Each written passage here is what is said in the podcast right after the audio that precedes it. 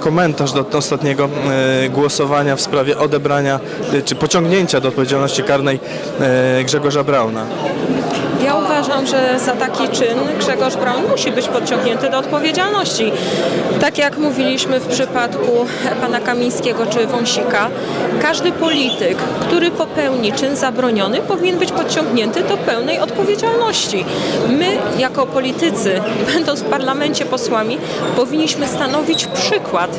Przykład dla obywateli postępowania według prawa. Natomiast jeżeli to prawo zostaje przez polityków złamane, to w pierwszej kolejności powinni zostać podciągnięci do odpowiedzialności i to jest bezsprzeczne, Szanowni Państwo. E, Czego się Pani spodziewa po komisji do spraw Pegasusa?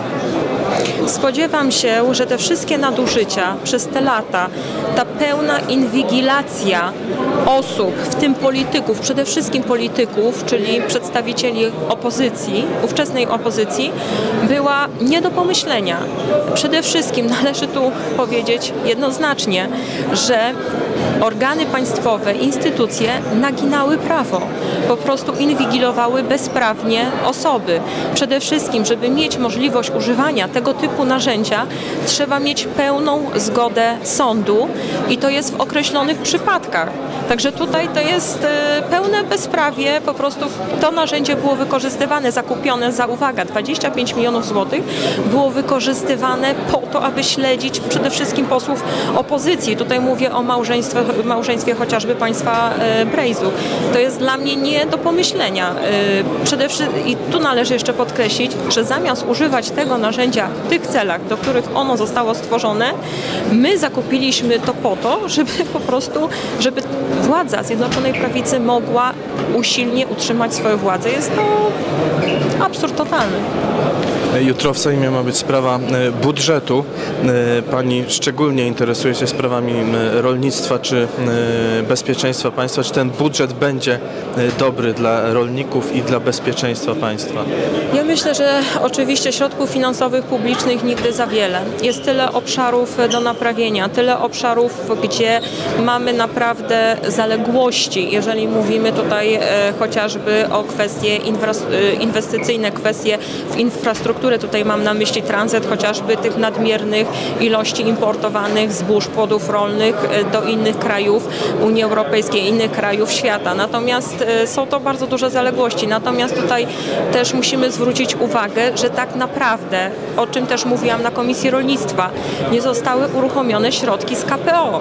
To KPO jest finansowane z PFR-u, a PFR jest finansowany z emisji obligacji, czyli my ciągle generujemy dług publiczny po to, aby, e, aby po prostu sfinansować te wszystkie programy, które były rozpoczęte przez Zjednoczoną Prawicę. Dlatego powinniśmy się postarać o jak najszybsze, najszybsze uruchomienie środków z KPO, żeby pod, pokryć ten deficyt i żeby, żebyśmy zaczęli normalnie funkcjonować.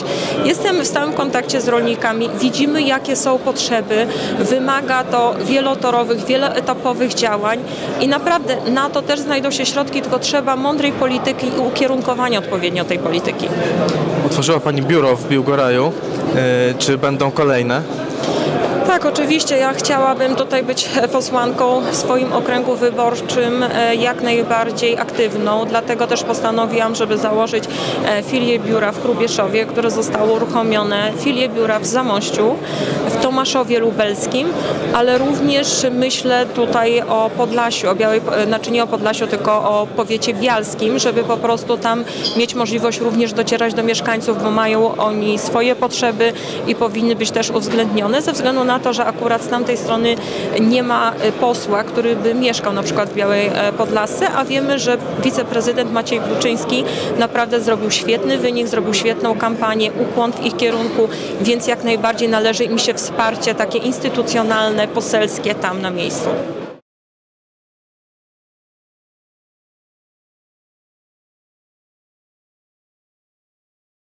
Jakie będą Pani zadania w tym zespole?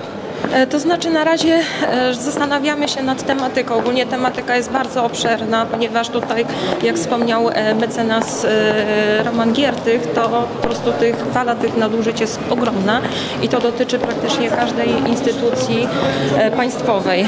Dlatego też patrząc również na specyfikę regionów, każdy region ma również swoją, że tak powiem, specyfikę, jeżeli mówimy o instytucjach publicznych i tutaj wspólnie z kolegami, z koleżankami, tak jak powiedzieliśmy, pełnimy również funkcję kontrolną, więc będziemy się starać na podstawie kontroli poselskich, na podstawie żądania udostępnienia nam informacji publicznych, wnioskowania o to do instytucji publicznych, e, wpływanie na to, co się do tej pory e, zadziało, ponieważ powiem Państwu, że bardzo dużo e, osób, naszych wyborców, do mnie jako do posła przychodzi do biura i mówi o tych nieprawidłowościach, więc ja jestem w obowiązku reagowania na to wszystko, co się zadziało, więc doszłam do wniosku, że słuszne jest utworzenie takiego zespołu i moje uczestnictwo e, w tym zespole, żeby po prostu e, zrobić, bo wiecie, wkraczając do każdej instytucji, my tak naprawdę musimy wykonać audyt, co się zadziało do tego momentu, kiedy e, po prostu nowa dyrekcja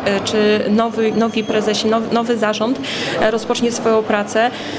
Ponieważ, jak się okazuje, fala nadużyć, fala hejtu w stosunku do pracowników, którzy byli nieposłuszni, fala różnego rodzaju e, przekrętów jest tak ogromna, że tej pracy naprawdę będzie bardzo, bardzo dużo, a obywatele oczekują, że ci, którzy sprawują władzę publiczną, e, powinni przede wszystkim stać na straży prawa. Stać na straży prawa i tych nadużyć po prostu nie dokonywać.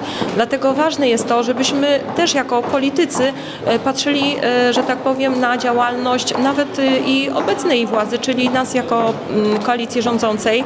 Również będziemy taką krytykę czy takie głosy odbierać i będziemy również respektować Państwa zdanie. Dziękuję bardzo.